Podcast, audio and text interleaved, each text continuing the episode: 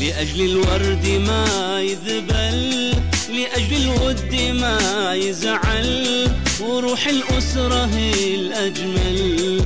يظل تتعانق المودة والمحبة في كنف الأسرة. لتنتج لنا بيوتا مطمئنة تقف بثبات في محطات القيم الفاضلة. والمبادئ الأصيلة وصولا إلى مجتمع نقي ومتماسك. نملأ المنزل حنان بحبنا الأمثل وخيرة للرحم يوصل. وإذاعة نما إف إم تقدم كل أربعاء. برنامج بيوت مطمئنة. إعداد وتقديم مريم باكحيل ومحمد الحامدي. مونتاج وإخراج شريف أحمد بافضل. لأجل الورد ما يذبل لأجل الود ما يزعل.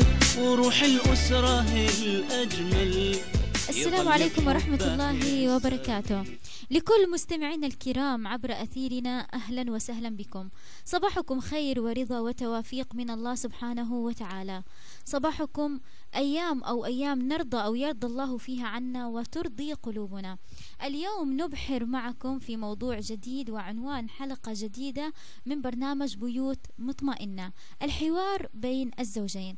طبعا البرنامج يأتي برعاية من شركة الدانا العالمية. سنكون معكم أنا والزميل محمد الحامدي في تمام من هذه اللحظة وحتى الساعة الحادية عشر عبر أثير راديو نما إف إم وترددنا 88.8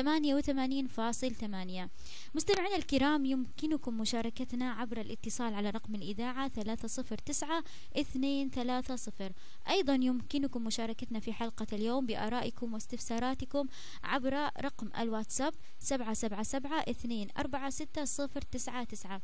أيضا هنالك جائزة مالية من قد مقدمة من راعي البرنامج شركة الدانا العالمية. صباح الخير محمد. أهلا وسهلا مريم. صباح الخير لكل المستمعين الأعزاء. صباح الأمل صباح التفاؤل صباح الرضا صباح التوفيق صباح آه، جميل يليق بأنسام أجواء المكلة هذه الأيام. صباحكم سعادة وطمأنينة بإذن الله عز وجل. ترفرف ترفرف على آه، قلوبكم جميعا وتنشر البهجة والفرح أينما تكونون. صباح مليء بالحب والحياة لمستمعي راديو نما إف إم. نحن معكم في حلقة جديدة من برنامج بيوت مطمئنة. من الآن كما أسلفت حتى الحادية عشرة من هذا الصباح نبحر فيها في موضوع آه، نتمنى ونسأل الله عز وجل أن يكون مفيدا بالنسبة لكم وأن نخرج في نهاية هذه الحلقة بحصيلة ترتقي بمستمعين الأعزاء ونستفيد آه، منها جميعا في حياتنا العامة.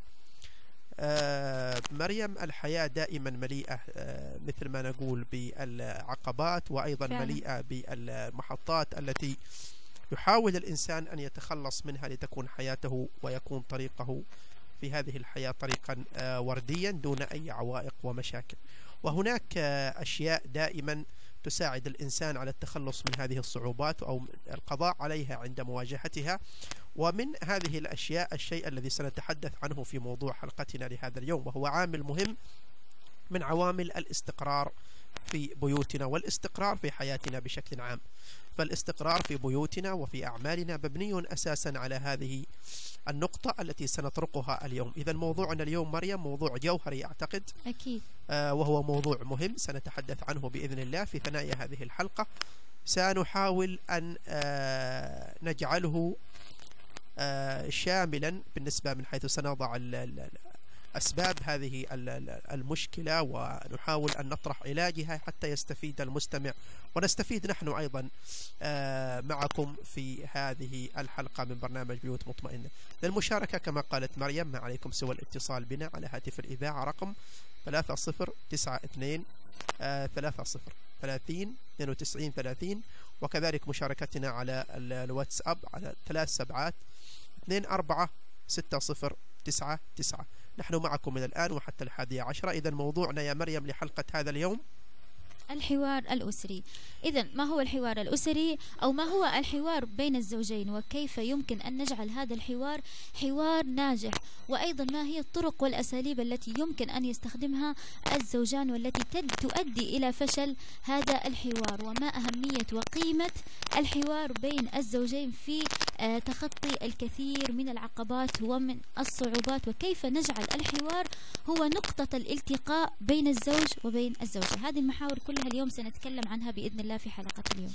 مستمعينا الأعزاء كما تعلمون الحوار مفهوم كبير جدا في حياتنا وإذا ما أردنا أن نخوض في تفاصيله فله عديد من الجوانب التي يجب طرقها. ونحن اليوم سنحاول أن نبدأ في أن نبحر في هذا العالم الواسع وهو عالم الحوار الذي يجب أن يكون بين الأزواج بين الأبناء بين الأسر بين المجتمعات حتى بين الحضارات لذلك نحن اليوم سنحاول أن نخصص هذه الحلقة لموضوع الحوار بين الزوجين. وسنتحدث في هذه الحلقة عن وسائل الحوار الناجح بين الزوجين. أيضا متى يقتنع الزوج والزوجة بأن هذا الوقت أو هذه الوسيلة غير مناسبة للحوار؟ متى يتحول الحوار إلى جدل؟ وما هي أضرار الجدل؟ ثم سنتحدث في نهاية الحلقة وفي علاج الموضوع عن ما هي الثمار والفوائد للحوار الناجح بين الزوجين حتى ينتج بعد ذلك حوارا ناجحا بين كافة أفراد الأسرة. إذا أيها الأعزاء نحن معكم من الآن وحتى تمام الحادية عشرة من صباح هذا اليوم. ستشاركون على هاتف الإذاعة رقم 30 92 30 وأيضا عبر آه، رسائلكم النصية على واتساب البرنامج ثلاث سبعات أربعة اثنين ستة صفر تسعة تسعة. سنكون معكم بإذن الله بعد فاصل قصير. والله لصونك لآخر أيام عمري وأحفظ مكانك بين قلبي وعيني. يا ام اولادي بناتي يا زهري وياك يا روح اكتمل نص ديني. والله لصونك لآخر أيام واحفظ مكانك بين قلبي وعيني. يا ام اولادي وبناتي يا زهري وياك يا روح اكتمل نصيدي اخر أيام عمري والله لصونك اخر أيام عمري والله لصونك والله لصونك لآخر أيام عمري. واحفظ مكانك بين قلبي وعيني. يا ام أولادي وبناتي يا زهري وياك أروح اكتمل نص ديني. والله بوجودك هذه الدنيا حلا وعيالنا النور اللي ينور سمانا. بكرة نربيهم على طاعة الله والصدق والإخلاص ويا الأمانة. والله بوجودك هذه الدنيا أحلى أحلى. وعيالنا النور اللي ينور سمانا. بكرة نربيهم على طاعة الله. والصدق والإخلاص ويا الأمانة. آخر أيام عمري والله لصونك آخر أيام عمري والله لصونك والله لصونك لآخر أيام عمري واحفظ مكانك بين قلبي وعيني يا أم أولادي وبناتي يا زهري وياك أروح اكتمل نص ديني. انتي القمر واروع قدر بحياتي. يا الغالي الله يخليك ليا وتدرين وش هو؟ أغلى شي بأمنياتي. إنك تكوني بخير ويدك بدية. انتي القمر واروع اروع قدر بحياتي. يا الغالية. الله الله يخليك ليا. تدرين وش هو؟ أغلى شي بأمنياتي إنك تكون بخير ويدك بديا.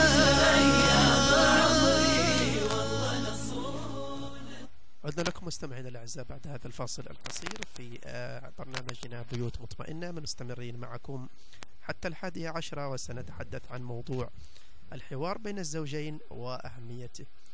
آه، طبعا يا مريم آه، الحوار بين الزوجين لا نستطيع أن نقول أنه مهم فقط بل آه، الحوار بين الزوجين هو في وجهة نظرنا ركيزة أساسية من ركائز الحياة السعيدة. فعلا. لذلك عندما نتحدث عن الحوار فنحن نتحدث عن مفهوم يجب أن يتحلى به الزوجين. قبل بداية الحياة الزوجية ولن يكون ذلك إلا بتعود الطرفين على الحوار. لكن آه، وش رأيك مريم اليوم لو بدأنا من العكس يعني؟ لو بدأنا من من نقطة آه، وسائل الحوار الغير ناجح. آه، في البداية يا محمد أنه نحن كبشر رب العالمين يمكن خلينا نحن نقول هي حاجة إنسانية أو غريزة في كل الإنسان وضعته. ونحن كبشر بطبعنا اجتماعيين. نألف ونؤلف. فالإنسان اللي يعيش في كوكب لحاله أو في عالم لحاله ربما يصل به إلى حالة الضغط النفسي إلى أنه ما يقدر يتعايش مع البشر بطريقة صحيحة. طبعا. وفي الحياة الزوجية بالشكل الأخص يعني آه، نقطة الحوار ما بين الزوجين هي هي لغة التواصل فيما بينهم. هي بس مش مجرد حوار وينتهي وتحل مشكلة هي في الأساس لغة كاملة ولغة تواصل ولغة اشتراك فيما بينهم. أي علاقة زوجية ناجحة أكيد لها أسس معينة ولها آه، سمات وخصائص كيف نقدر إن إحنا نقول إنه هذه العلاقة ناجحة أو هذه العلاقة فاشلة. واحد من أهم هذه الأسس اللي من خلالها تبنى العلاقة الزوجية الناجحة اللي هو الحوار اللي يمكن الكثير آه تغافل عنه ويوصلون لنقطة أنه كيف بقدر أنا بفهم شريكة حياتي وكيف شريك أني نقدر نفهم شريك حياتي بشكل عام. ما الجواب على هذا السؤال مختصر جدا هو الحوار الصحيح. تخيل أنه أنت عندك شجرة. ففي العلاقة الزوجية جذور هذه العلاقة وجذور هذه الشجرة الصحيحة اللي بتنبت على آه، نبتة صحيحة وبتطلع نبتة آه، فيها ثمار هو الحوار الصحيح ما بين الزوجين. أي علاقة خالية من هذا الحوار أكيد الجذور بتكون جافة وقد تصل إلى مفهوم ممكن أن إحنا نقول عنه الطلاق العاطفي. مش بالضرورة آه، يكون في طلاق انفصال واقعي ما بين طبعا. الزوجين لكن للأسف كثير ما بين الز... من الأزواج يعانون داخل أسرهم من مفهوم هم مش داك... مش مستدركين مدركين لهذا قيمة هذه الكلمة الطلاق العاطفي. فتظل الحياة مستمرة فيما بينهم لكن في فجوة ما بين الزوج وما بين الزوجة. وتصل هذه الفجوة, الفجوة إلى الأطفال. آه طبعا هذه الفجوة نتيجة لغياب نقطة الالتقاء الذي يجب أن تكون بين الزوجين وهي نقطة الحوار. فعلا. ربما يا مريم الكثير من المستمعين آه، يعرف أن الحوار ضروري ويعرف أن الحوار مهم ويعرف أن الحوار سمة إنسانية وغريزة. في آه، الإنسان أوجدها الله سبحانه وتعالى بل حتى ربنا تبارك وتعالى أيضا في القرآن الكريم آه، لو تلاحظين بعض آياته القرآنية حتى يحاور يعني آه، فيها أسلوب الحوار. يعني لو نتذكر الآيات القرآنية التي يحاور الله سبحانه وتعالى فيها إبليس وهو يعني الكائن الذي لعنه الله تبارك وتعالى. لكن في في آيات القرآن تجدين أن مفهوم الحوار حاصل. المشكلة مريم أن الكثير يعني تختلف أفهامهم لما هو الحوار. كيف أحاور الزوجة الزوجة أيضا بالمقابل كيف نتحاور؟ ربما حتى يعني تختلف أفهامهم. متى أبدأ الحوار؟ ما هو الوقت المناسب من حيث التوقيت الزمني؟ وأيضا من حيث التوقيت الوجداني للطرف الآخر. يعني تجدين مثلا بعض الأزواج يأتي إلى زوجته يعني يفهم هو يقول لك إن الحوار ضروري أوكي. لكنه يأتي إلى الزوجة مثلا وهي متعبة. وهي في ظرف صحي يعني غير مناسب ويأتي ويريد أن يحاورها. إذن الزوجة أحيانا آه، لا تختار الطريقة المناسبة أو الوقت المناسب للحوار. في حلقة اليوم سنسلط الضوء على آه، ما هي الطريقة المناسبة وسنبدأ بما هي الأشياء الغير مناسبة اليوم. على غير العادة يا مريم سنبدأ بما هي الأشياء الغير مناسبة جميل. لجعل الحوار آه، أو لإفشال الحوار. حتى نتحول إلى آه، بعد ذلك إن شاء الله في نهاية الحلقة إلى آه، عكسها وهي الوسائل المناسبة لجعل الحوار آه، يكون ناجح بالتالي يكون الطرفين يعني ينعمان بلغة الحوار. هذه اللغة الجميلة جدا التي توصل الزوجين دائما إلى التفاهم والذي هو أساس مهم من أساس الحياة بعد ذلك يتم بعد التفاهم الرضا و يعني هلم جرة إلى كثير من النقاط الإيجابية التي تدفع الأزواج إلى أن يعيشوا؟ والزوجات طبعا عندما نتحدث عن الأزواج فنحن نقصد الجنسين لأن يعيشوا حياة آه، سعيدة وهانئة. نعم. آه، لو بدأت معك بالنقطة الأولى مريم للأشياء التي ربما تجعل الحوار آه، غير إيجابي خلينا نقول. آه، أعتقد إنه آم، في البداية هو الحوار أعتبره آه، ز- ذكاء ما بين الزوج والزوجة. كيف ممكن تقدر الزوجة تختار الطريقة المناسبة آه، للخوض في هذا الموضوع وكيف ممكن الزوج نفس الشيء. هو عبارة عن ذكاء وعبارة عن مجرد شعور وإحساس. آه، متى نقدر في هذه اللحظة أنه وقت مناسب لاختيار ال- الحديث. لكن مثل ما ذكرت أنه بنبدأ من نقطة المؤشرات اللي تدل على أنه فعلا الحوار الآن ما بين الزوج والزوجة يجب أن يقف إلى حد معين ولا يجب أن يكتمل. هنا نقول عنه حوار آه بدأ فاشل. واحدة من النقاط اللي يمكن كثير يغفل عنها اللي هي الضبط الانفعالي يا محمد. في كثير من الأزواج والزوجات لما يجلسون يتحاورون فيما بينهم آه تجد هنالك عملية محاولة فرض رأي على الطرف الآخر. بمعنى أنه يأخذون الحوار إلى مفهوم الجدال. وهنا لازم نركز. لازم نركز أنه إيش الفرق ما بين الجدال وما بين النقاش. أنت لما تجي وتحاول أنك تجادل معناته أنه أنت تحاول فقط تسكت الطرف الآخر. يعني الحجة بالحجة. أنه أنت صح وهي بنفس الحاجة صح. مجرد جدال يدخل إلى أنه كل واحد يحاول يفرض حجته ومحاولة آه، يفرض رأيه على الطرف الآخر. أو ممكن أنه يوصل حتى إلى مرحلة الاتهام المتبادل فيما بينهم البين. أما لو بتجي لنقطة الحوار فهو عبارة عن حديث متبادل. إيش هذا الحديث سماته؟ اهتمام أكثر التزام أكثر انصات أكثر. لكن للأسف أنه كثير من الحوارات تأخذ شكل الجدال ونحن نجي ونقول لها ونسميه بعدين. لا تحاورت معها بس ما وصلت لنتيجة. أنت في البداية ما تحاورت معها أنت تجادلت معها. فلازم بالنقطة الأساسية تفهم إيش مفهوم الجدال وإيش مفهوم الحوار لحتى تقدر إذا حسيت أنك وصلت لمرحلة الجدال وأنه أنت بس مجرد تحاول تفرض رأيك أو تحاول آه، توضح حجتك بدون ما تستمع للطرف الآخر هنا نقدر نحن نقول نوقف شوية ونرجع ما بعد. نعيد ال- المسار الصحيح ونرجع للحوار ونترك الجدال. فواحدة من أهم النقاط اللي يفسد الحوار اللي هو عدم الضبط الانفعالي في الحديث وارتفاع نبرة الصوت. طبعا من النقاط أيضا التي آه، ربما تجعل الحوار غير إيجابي آه، بين الزوجين وقد يصل إلى مرحلة الجدال. آه، قبل الحوار يا مريم وفيها يعني نقطة ال- التشابه مع النقطة التي قبل الحوار يدخل الزوجين. وهما يعني آه، يأخذان مسألة الحوار بمسألة نصر أو هزيمة بالضبط يعني أنا سأدخل اليوم سأحاور زوجتي لابد أن أنتصر في هذا الرأي مم. لابد أن أنتصر في هذا الحوار والزوجة نفس القصة عندما تفتح أي موضوع لزوجها يجب أن يكون يعني كلامي صح يجب أن أنتصر على هذا الزوج آه، وأثبت له أن ما أقوم به صحيح. صح. هي زي المعركة يعني نعم. في فيدخلها ال- الطرفين وهما بمسألة يعني معنويا غير جاهزين لتقبل الرأي الآخر وإنما يعني يدخلون بمعرفة أو ب- ب- ب- فعلا. بناحية آه، اتصال التحويل محمد وفي اتصال هاتفي إذا سنكمل المواضيع يا مريم وسنكمل نقاطنا لكن المستمعين طبعا لهم أهمية وهذا اتصال هاتفي. أعتقد أن الاتصال فصل يا شريف. طيب نكمل. أنت ذكرت نكمل. مهمة. نرجو من قبل ذلك مريم نرجو من المستمع أو المستمعة محاولة الاتصال بنا على هاتف الإذاعة 30 92 30 نحن معكم على راديو نما إف إم 88.8 ميجا هرتز أنت ذكرت نقطة قبل شوية تكلمت عن الوجدان وكيف له الأثر. فنقطة جدا مهمة أنه في في ضبط في الضبط الانفعالي يعني في موضوع الحوار ما بين الزوجين كيف نقدر آه، نوصل لمرحلة أنه نحن نقدر نتفاهم فيما بيننا البين بحدة أو بصوت منخفض.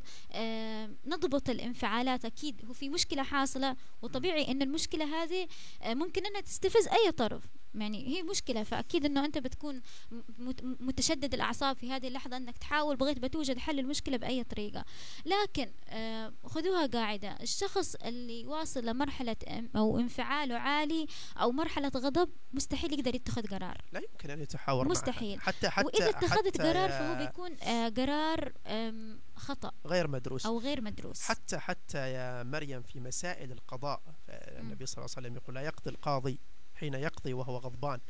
فالزوج أو الزوجة عندما تصل إلى مرحلة الغضب آه، لا يمكن في هذه اللحظة إذا أردت أن آه، تحل إشكال آه، واقع أو تحل خلاف أو تتحدث عن موضوع ما. ورأيت أن الطرف الآخر بدأ في مرحلة أو خرجت أعصابه عن السيطرة. بدأ يعني يعطيك ألفاظ توحي إليك بأنه غير مسيطر على نفسه في هذه اللحظات أو بدأت تتسلل إليه آه، بعض نقاط الغضب أو بعض مراحل الغضب. آه، يجب هنا أن نقف وألا نستخدم الحوار وإلا فسيتحول هذا الحوار إلى حوار عقيم آه، لا فائدة منه. هنا يا مريم أيضا يطرح سؤال. ونحن كما أسلفت نحاول أن نبسط المسألة للمستمعين الأعزاء. قد يقول لقائل أو تقول لقائلة طيب أنا زوجة كيف أعرف أن الزوج وصل إلى مرحلة لا أستطيع أن أحاوره فيها. طبعا هذه تعرف من مثلا آه، كما أسلفت نبرة الصوت لغة الجسد أيضا. تغير ملامح الوجه الكلمات أيضا لها دور. الألفاظ نعم لها دور. ما هو أنت لو لو وصلت لمرحلة الض- عدم الضبط الانفعالي تلقائيا بتوصل لمرحلة إيش؟ تجريح. تجريح نعم. اتخاذ و- قرارات وعد- عدم اتزان في الألفاظ. وعدم فيعني نقول. للزوج أو الزوجة ستعرفين أو ستعرف أن الطرف الآخر يعني آه، متوتر ولا يمكن أن تتحاور معه إذا رأيت. يعني وهذه هذه أشياء مهمة. يعني بع- بعض الناس يا مريم يتحاور الزوج مع الزوجة مثلا يتحاور ويأخذ الجوال. فعلا. يحاور يريد أن يحل مشكلة مثلا وهو يقرأ صحيفة. أو آه، ورقة. مم. يجب يعني أثناء الحوار أن يكون كل منهما متجه إلى الآخر بجسده. في تجاهل يعني من الطرف نعم، المتحدث فبالتالي لا لا. لا يفهم لا يفهم. يقول لك مثلا أنا والله حاورت زوجتي لكن لا أصل إلى نتيجة. لماذا؟ لأن والله هذه الزوجة آه، دائما مثلا تتجاهل دائما مثلا آه، ترفع الصوت دائما مثلا. فنقول عند الحوار يجب أن يكون آه، ال- ال- الانتباه من كل طرف للآخر وهذا إن شاء الله نقطة سنفصلها في مسألة العلاج. لكن من النقاط أيضا التي تحول الحوار إلى حوار عقيم يعني عدم تحديد جدول زمني مثلا لنقاش مشكلة ما. تجدين يا مريم أحيانا بعض المشاكل تستغرق بين الزوج والزوجة مثلا أشهر وهي مشكلة بسيطة جدا. فعلا. لماذا؟ لأنه والله نحن ما نحدد. كل زوج يريد أن ينتصر. مثلا الآن تحاور الزوجين في مشكلة ما. مثلا خلينا نقول في مسألة هل هذا المسكن مناسب أو لا. تمام. تحاوروا. آه انتهى الحوار مثلا بإقناع الزوجة أقنعت الزوج. ثم الزوج تراجع عن القرار ويريد أن يقنع الزوجة. يعود ويفتح القضية مرة أخرى. ما اقتنعت الزوجة؟ تقول له خلاص أنا أقنعتك. آه، شوية اقتنعت الزوجة. بعد فترة ما اقتنعت الزوجة عادت عن قرارها. تعود فتح القضية مرة ثالثة. وهذه تحصل في كثير من المشاكل. فعلا. لأن قلت لك عندما يتحاور الزوجين وفي الذهنية التابعة لهم أنهم والله أنا يجب أن أقنع زوجتي. مم. بأي طريقة كان؟ نعم والزوجة يجب أن أقنع زوجي. بأي طريقة كانت نعم.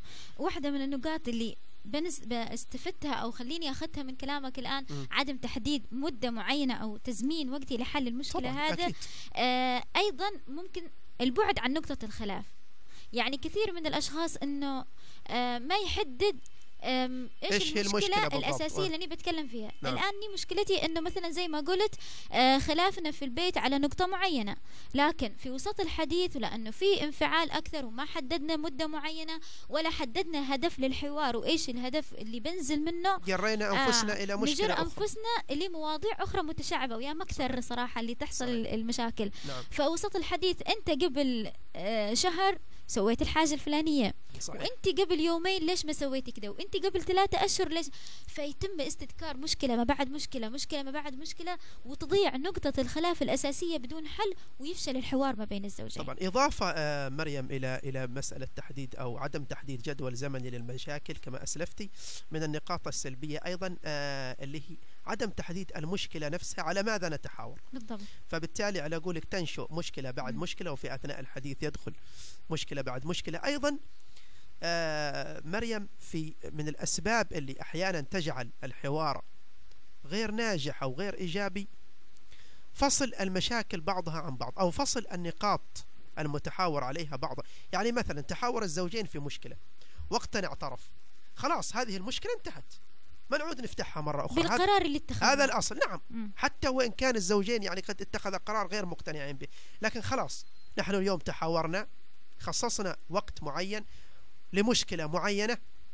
يعني انتهى الحوار بنتيجة معينة خلاص. فعلا. هذه و- المشكلة نغلق عليها الباب. وعلى فكرة آه، ممكن نقطة أني مؤمنة بها أنه ما في شيء في الحياة اسمه قرارات خاطئة بحث وممكن أن إحنا نندم عليها.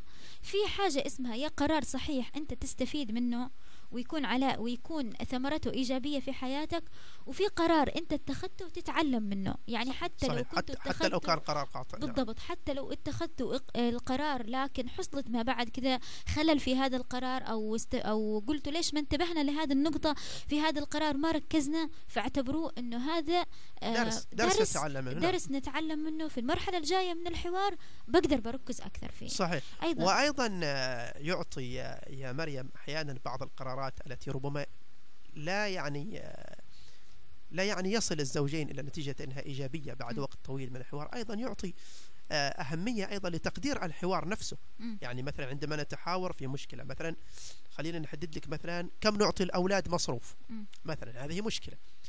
آه، كم نعطي الأولاد مصروف؟ مثلا تحاورنا واتفقنا. آه، زاد زاد ارتفعت الأسعار كما يحدث هذه الأيام. رفعنا المصروف بنسبة معينة.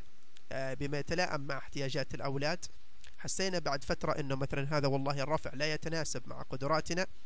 فعلا. آه، نعيده لكن بطريقة مشتركة بحيث أن إحنا أيضا نقدر أهمية القرار الذي نصل يا إليه. سلام. لأن نحن لو لو نقضنا يعني لو نقضنا مثلا حلت مشكلة حصلت مشكلة ما وتخلصنا منها وحليناها بالحوار لكن بعد فترة تراجعنا. حتى ال ال ال ال ال ال وزن وزن حوارنا نفسه يعني حوارنا نفسه لا لا يقيم له وزن. يعني في أي طرف الزوج بيتراجع والزوجة أيضا ستتراجع. إذا أصبح حوارنا عقيم وأصبح حوارنا مجرد مضيعة للوقت. في هذه النقطة ممكن نحن ندخل في موضوع الحوار الأسري يعني آه، مثلا موضوع المصروف وما المصروف. ممكن حتى الأطفال آه، يكونون على اطلاع بالحالة المادية للأسرة نفسها. فبيقدر الطفل بيقدر آه، طبعا الحالة سا سا. مريم هذا هذا موضوع سنخصص له حلقة أخرى نعم. حلقة سنخصص له حلقة. أخرى وأيضا المواضيع الاقتصادية سنخصص لها حلقات من نعم. السلبيات اللي ممكن أنها تعطي مؤشر للحوار خلينا. نقول غير إيجابي بنذكر كلمة السلبي أو الفاشل. خلينا إحنا نقول حوار غير غير إيجابي إيجابي نعم اللي هو آه، كثير من الأزواج والزوجات يت- في أثناء الحوار يتم التركيز فقط على السلبيات صحيح. محاولة إنه كل طرف يحاول يركز على سلبيات الطرف الآخر أنت عندك العيب الفلاني وإنت برضو ما تركزين في هذا. الموضوع فمحاولة إنه كل واحد يحاول يجر أو يلقي ال- اللوم على الطرف الآخر في هذه المشكلة. أنت السبب. لو- لولا أنت ما عملتي هذه النقطة ما كنا وصلنا لهذه المشكلة. صحيح. فنقول إنه أنت في الأساس الحوار هدفه تحاول توصل لحل. نعم. فإذا كنت حاول توصل لحل فيجب على كل طرف أنه ما يركز على سلبيات الطرف الآخر حتى لو كان هو سبب في المشكلة.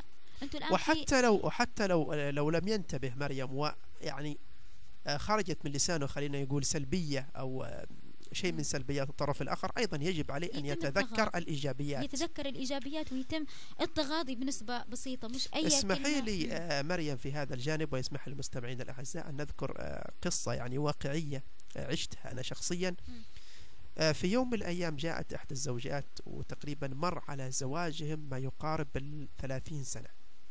يعني زوجة ليست في سن صغير ولديها أبناء ولا. جاءت وأرادت أن تطلب الطلاق. طيب. وتحدثت عن تقريبا آه، ثلاث سلبيات في زوجها. وتعرفين يعني آه، حديث النساء يا مريم أنا لا أستطيع العيش خلاص أنا مليت وا وا وا إلى آخره.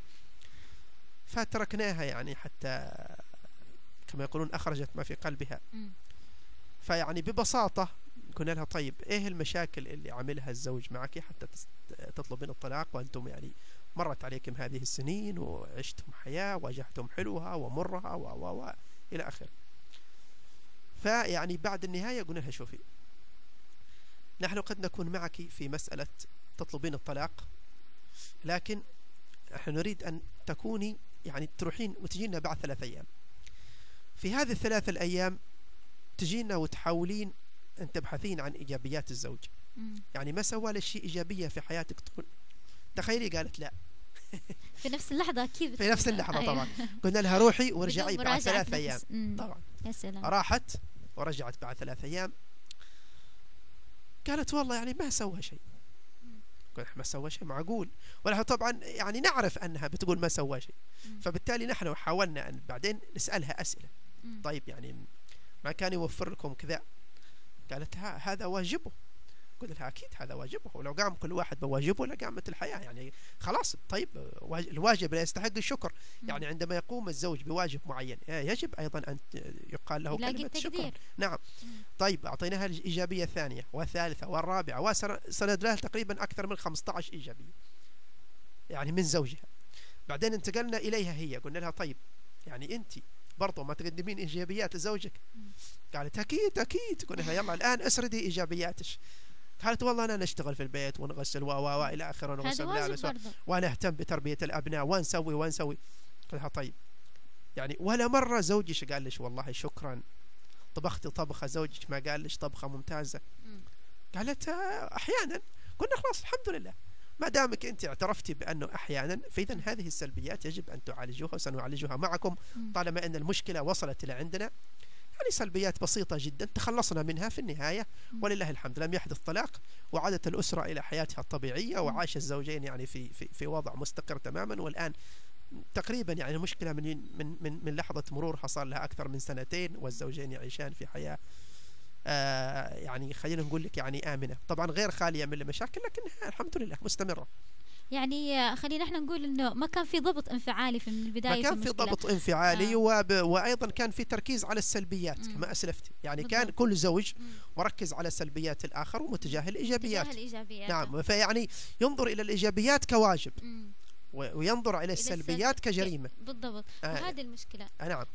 في أصلا شوف يا آه، محمد نحن بطبيعتنا كبشر كل شخص فيه سلبياته وكل شخص فيه إيجابياته. طبعا. فإن أنت لما تدخل مع شريك حياة لازم تحط في بالك إنه تعزز الإيجابيات كيف و... وتحاول قدر وتحاول الإمكان قدر الإمكان نعم. إنك تصبر أنا- على هذه السلبيات والسلبيات اللي ممكن إني نغيرها في الشخص طبعا فبحاول جاهدة إني بغير الإيج... في سلبيات يا السلبيات. مريم في سلبيات هي مكتسبة مش طبيعية في بالضبط. فهذه السلبيات المكتسبة يمكن أن تتغير مع الزمن. فعلا. ونحن لو تتذكرين في أحد مواضيعنا في بيوت مطمئنة أعتقد موضوع الاختيار ركزنا على هذه النقطة وقلنا لا يمكن أن يكون بشر بلا سلبيات لكن بعض السلبيات تستطيع أن تتخلص منها في الطرف الآخر وبعض السلبيات التي لا أستطيع أن أتخلص منها وهي سلبيات طبيعية علي أيضا بالصبر عليها وال ويعني آه، معرفة أنها لا يمكن أن أن. يخلو منها بشر. ال- السلبيات اللي تكون متعلقة بشخصية الشخص آه، الفرد نفسه فهنا ممكن نصبر عليها. لكن نعم. مثل حتى ما ذكرنا في الاختيار أنه في سلبيات كبيرة جدا من البداية قد تكون متعلقة أخلاقيا بالشخص. فهنا آه تدخل في مرحلة الاختيار الصحيح وكيف ممكن أني نقيم هذه السلبية. هل بتؤثر فيما بعد على حياتي الزوجية مع هذا الشخص أم لا؟ أما إذا كانت سلبيات متعلقة بشخصية الشخص و فأني مطالبة صراحة أنه الشخص يا أما يصبر ويا أما أنه يحاول بقدر الإمكان أنه يغير في الشخص الثاني. طبعا. فشخص أنت بتكونين عايشة معه وأنت نفس الشيء عايش معه أك- لسنوات ولعمر طويل فطبيعي كل شخص بيكون له تأثير على الطرف الآخر إذا وجدت لغة الحوار المشتركة ما بينهم. طبعا من العوامل يا مريم ونحن يعني أطلنا على المستمعين الأعزاء من العوامل التي ربما تجعل الحوار آه، يتحول إلى جدال. عامل مهم جدا يجب توفره في الحوار وهو يا مريم عامل المقاطعة. صحيح. كثير من الأزواج والزوجات بل حتى كثير من الأصدقاء بل حتى أحيانا أنا وأنت مريم. ندخل مع المستمعين الأعزاء. في أثناء يعني حواراتنا آه، لا نلتزم بالإصغاء للطرف الآخر وتبدأ لغة المقاطعة. خصوصا آه، أحيانا عندما تكون بين الزوج والزوجة مثلا تطرح الزوجة فكرة لا تناسب الزوج. أو العكس الزوج مثلا يطرح نقطة لا تناسب الزوجة. أحيانا بعض الناس لا ينضبط كما أسلفت انفعاليا فيبدأ يقاطع. وهذه المقاطعة سبب من أسباب خلينا نقول انهيار الحوار الإيجابي. فعلا. وخروج الحوار عن نصه وروحه. لأنه في الأساس انت إذا تم إذا كنت في بالك إنه حابب بس تقاطع أنت ما تركز مع الشخص. بكل مش. فاهم إيش يقول ولا فاهم إيش النقطة اللي هو حابب يوصلها لك يكون كل تفكيرك وهمك إنه أنت تحاول تفرض نظريتك على الشخص الآخر مقاطعته ومحاولة قتل آه نقطة ال- قتل الأفكار. وانسجامه. بالضبط. برضه مريم يعني آه، حتى يعني آه، في مسألة المقاطعة أنت حتى يعني بعض النقاط ربما تكون غير فهمها أساسا. فعلا. فأنت لا تعطي نفسك حتى فرصة لفهم ما يقوله الطرف الآخر. للإنصات. نعم. مباشرة تأتي الزوجة وتقول لك والله يا ابن الحلال مضاح لا لا لا لا, لا. فيأتي الزوج أيضا مباشرة. يا بنت الحلال يا أم الأولاد. نحن اليوم مثلا آه، سنخرج رحلة مثلا. س- مباشرة سنختار المكان. لا لا لا لا, لا. وهذه المقاطعة آه، تؤدي إلى خروج الحوار عن السيطرة وتحوله إلى حوار. عقيم آه، غير مجدي. وغير نافع. نعم. أو في برضو نقطة مهمة اللي هي الجمود المستفز. في كثير من الأزواج والزوجات تلاقي مثلا زوجته آه، جات بتكلمه في موضوع طيب والله حصل الأولاد اليوم حصلت مشكلة في البيت حصل واحد اثنين ثلاثة طيب خلاص تمام. آه، إيش رأيك نسوي الحاجة الفلانية؟ طيب خلاص تمام. ونفس الشيء الزوج. ففي الأساس أنت جاي بتتحاور معاه وهي جاية بتتحاور معك فهي آه، حابة أنه آه، تأخذ وتستفيد منك وتوصل هي وانت وهي لنقطة لقاء مشتركة وحل المشكلة لكن لما يوصل كثير على فكرة من. سمعت من هذه القصص. إنه تجي وتقول ليش والله زوجي لما نجي ونحاول نكلمه يقول خلاص أنت سوي الشيء المناسب خلاص سوي حاجة اللي تشوفينها مناسبة في الموضوع ده وخلصي الموضوع هذا يا, أيوة. مريم نقطة فالز- عدم التفاعل أيوه معا. عدم التفاعل نعم فالجمود المستفز هذا صحيح. قاتل للحوار أكيد أكيد من أيوه الطرفين فتخيلي أنت يعني زوجة آه، تدخل يعني في هم وتريد أن تتخلص من مشكلة معينة فعلا تلاقي يعني بكل برودة أعصاب شوف ال ال نحن كنساء أو المرأة بشكل عام عندها قدرة هائله جدا على إنها تتفاعل وتتشعب في الموضوع وتجلس تتحاور لكن ممكن سبحان الله بطبيعة الرجل إنه ما يملك النفس الطويل للحوار لا. علشان كده إيش الحل لهذا الموضوع زي ما قلت إنه نحن لازم في الحوار آه يعني احتراما وقت. احتراما نعم. لطبيعة كل طرف الآخر فبطبيعة المرأة تجي ممكن أنها تجلس تحاكيك من الصبح إيش حصل معاها لين في الليل ما بتمل. والله آه، أبسط برضو- التفاصيل الصغيرة آه، بتجي وبتحكيها نعم صحيح. شوفي بعض الناس نعم آه، بعض نوصل الناس. لنقطة إيش؟ نحدد الوقت المناسب لحتى نحترم طبيعة كل شخص فينا. أكيد. برضه آه، يا مريم لا نعمم هذه النقطة على على النساء وإن كنت صراحة يعني حسب اعتقادي أنها موجودة في الأغلب اللي هي نقطة التفاصيل الزائدة مم. يعني المرأة لا، بعاطفتها التفصيلية بمعنى أنه نحن. قدرة هائلة على ال- الاستماع أكثر نفس طويل يعني بالمفهوم أنه في نفس طويل للكلام وللحديث لا وللحوار برضه يا معشر النساء أنتم يعني عندما تدخلن في نقطة معينة من الحوار مم. أيضا تشعر المرأة براحة نفسية تخفف بالضبط عكس الرجل لماذا؟ بالضبط لماذا؟ لأن الرجل آه، غالبا يعود من آه، خارج البيت من العمل غالبا يعود مضغوط خصوصا في مثل هذه الأوضاع التي نعيشها يا مريم.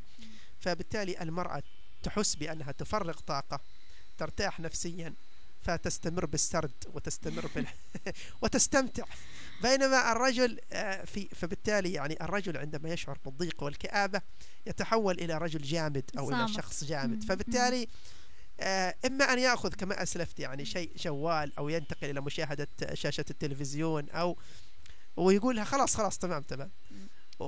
فهذه النقطة لا تحبها المرأة على الإطلاق تشعر بالاستفزاز إن إحنا الآن بندخل في موضوع آخر اللي هو الخصوصيات ما آه. بين الزوجين س- آه، نعد المستمعين يا مريم بأن تكون. أيضا من مواضيعنا اللي إن شاء الله الكثيرة التي الله. سنتناولها لكن آه، فعلا نقطة مهمة من نقاط الحوار الغير إيجابي وهو عدم التفاعل وال عدم التفاعل ونستطيع خلينا نسميه يا مريم أحيانا البرود بالضبط. البرود نعم البرود. وعدم مم. التفاعل مع الطرف الآخر البرود السلبي اللي نعم. يقتل الحوار نفسه أكيد فعندما تدخل في حوار يجب أن تكون مستعد عاطفيا يجب أن تكون مستعد نفسيا يجب أن تملك القدرة على التفاعل يجب أن تملك الصبر أيضا على سماع الطرف الآخر نعم. ولا تكون يعني فعلا. آه، مقاطع أو تكون في المقابل بارد وغير منفتح إذا ما بعد كل هذه المؤشرات اللي تهدم الحوار ال- ما بين الزوجين بيوصل آه، الحوار. إذا استمرينا على هذه النقاط سواء كان مقاطعة تركيز على إيجابيات إلقاء لوم البعد عن النقطة الأساسية في الحوار في النهاية بنوصل بنوصل لنقطة اللي هي الاندفاع في اتخاذ القرار. كثرة ال ال الاندفاع ال أو عدم الضبط الانفعالي وغيره من هذه المؤشرات بتوصل الشخص أنه يت ينف آه، يندفع في اتخاذ القرار. في نفس اللحظة في نفس عدم وجود ضبط انفعالي خلاص. من اليوم ممنوع عمل هذه النقطة. من اليوم ممنوع كذا. فهو يكون في اندف- اندفاع في قرار نتيجة لهذه كل السلبيات اللي ذكرناها هذا. الجديد طبعا آه غالبا الذين يتخذون القرارات آه هم الرجال. أو أحيانا يا مريم يحصل العكس. نتحاور لا نخرج بنتيجة. وهذا خطأ. يعني آه مثل ما أسلفنا من مؤشرات الحوار الغير الإيجابي إنما آه عندما لا لا لا نضبط وقت لحل هذه المشكلة. يعني نتحاورنا تحاورنا في النهاية تجادلنا ما خرجنا بنتيجة فعلا. يبقى يعني لا لا حتى لم نحترم حوارنا ولا نحترم الوقت الذي نضيعه في الحوار. آه ممكن يا مريم لا زالت بعض النقاط القصيرة اللي يمكن نطرحها من ال- المؤشرات ال- التي تجعل الحوار غير إيجابي لكن أعتقد آه مريم أطلنا على المستمعين بالضبط. الأعزاء. نطلع فاصل قصير ونعود إليكم إن شاء الله في بيوت مطمئنة. ونعود إلى نقطة الحوار الناجح وكيف ممكن أنه يكون الحوار ناجح.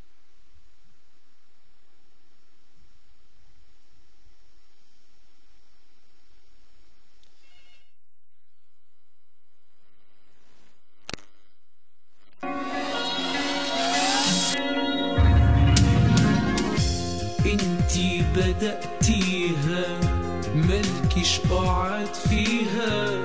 سيبي أمل وحنان. إنت شتمت امي شدتني من كمي وقطعت لي الفستان بتقولي أسرارنا لمرات شريف جارنا. في حاجات ما تتقالش. اسم الله يا حيلتها. قفشت في شقتها. وعايز ما سيحش ما بقتش اطيق البيت. هيجيلي يوم جلطة.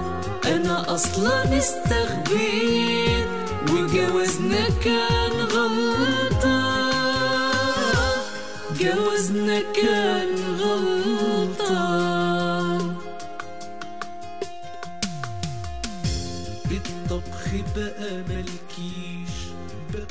مستمعينا الأعزاء عدنا إليكم بعد هذا الفاصل. لازلنا معكم في بيوت مطمئنة مستمرين حتى الحادي عشرة من هذا الصباح في موضوعنا آه الحوار بين الزوجين ومتى يكون إيجابي ومتى أيضا يتحول إلى جدال عقيم لا فائدة منه. أهمية الحوار بين الزوجين أيضا. آه نرحب باتصالاتكم على هاتف الإذاعة رقم 30 92 30 ويبدو أن لدينا اتصال. السلام عليكم. ألو؟ أيوه السلام عليكم. عليكم السلام ورحمة الله وبركاته. من معنا ام تسنيم سالم صالح صوتك شوية ارفعيه يا أختي. أم تسنيم سالم صالح. أم تسنيم. أيوه. سالم صالح. أيوه. من فين يا أم تسنيم؟ فوة نعم؟ فوة فوة. من فوة. أهلا وسهلا بك يا أم تسنيم. هذه طبعا يمكن أول مشاركة معنا في البرنامج. والله أهلا وسهلا بك. آه إن شاء الله ما تكون هذه المشاركة الأخيرة. أم تسنيم آه موضوع حلقة اليوم اللي هو الحوار بين الزوجين. آه يعني لك تعليق عليه. إيش رأيك فيه؟ هل تجدينه في الواقع موجود ولا؟ أيوه اولا الحوار هو جانب إيجابي مهم. حل المشاكل بين الزوجين. يعني إيش مشكلة بسيطة تحصل بين الزوجين؟ أول شيء فيهم الحوار.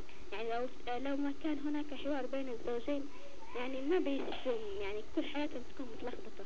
صحيح. يعني ما بينهم اتفاق. إذا كان ماشي حوار بينهم ماشي بينهم اتفاق. بيتفقون على إيش؟ يعني. ما ما يجلسون مع بعض. بعض الأزواج ما يجلسون مع بعض. يعني تحس الزوج 24 ساعة هو برا البيت. يعني لا شي مشكلة ما عاد يقدر يجلس مع مراته وإنه يتكلم هو وياها يعني حتى في حاجات بسيطة يعني فرفشة يستحل عن المواضيع أو أبدا بعض الأزواج ما يجلسون مع زوجاتهم. صحيح. يعني هذه يسبب فجوات في الأسرة. يعني سببها هو يعني يكون منه ومنها هي. يعني ما يجلسون مع بعض ويتحدثون شفت يعني لا حتى أي مشكلة حصلت ما يقدرون إنهم يتحدثون لأنهم ما تعودوا على الشيء ده والسبب يعني السبب في وجهة نظرك إنهم ما تعودوا ما على تعودوا ال- على الشيء ده الحوار. يعني لو كان أيوة. يعني إذا كان من البداية يعني تعودوا على الحوار شفت. يقدرون يحلون أبسط المشاكل. يعني فعلاً. لو ما حد يعني ما عنده أسلوب يعني يعرف أزواج ما عنده أسلوب حتى في التحدث. يعني مم. بس بتتكلم معه ما عنده أسلوب في الكلام. يعني هذا صعب تتحدثين معاه.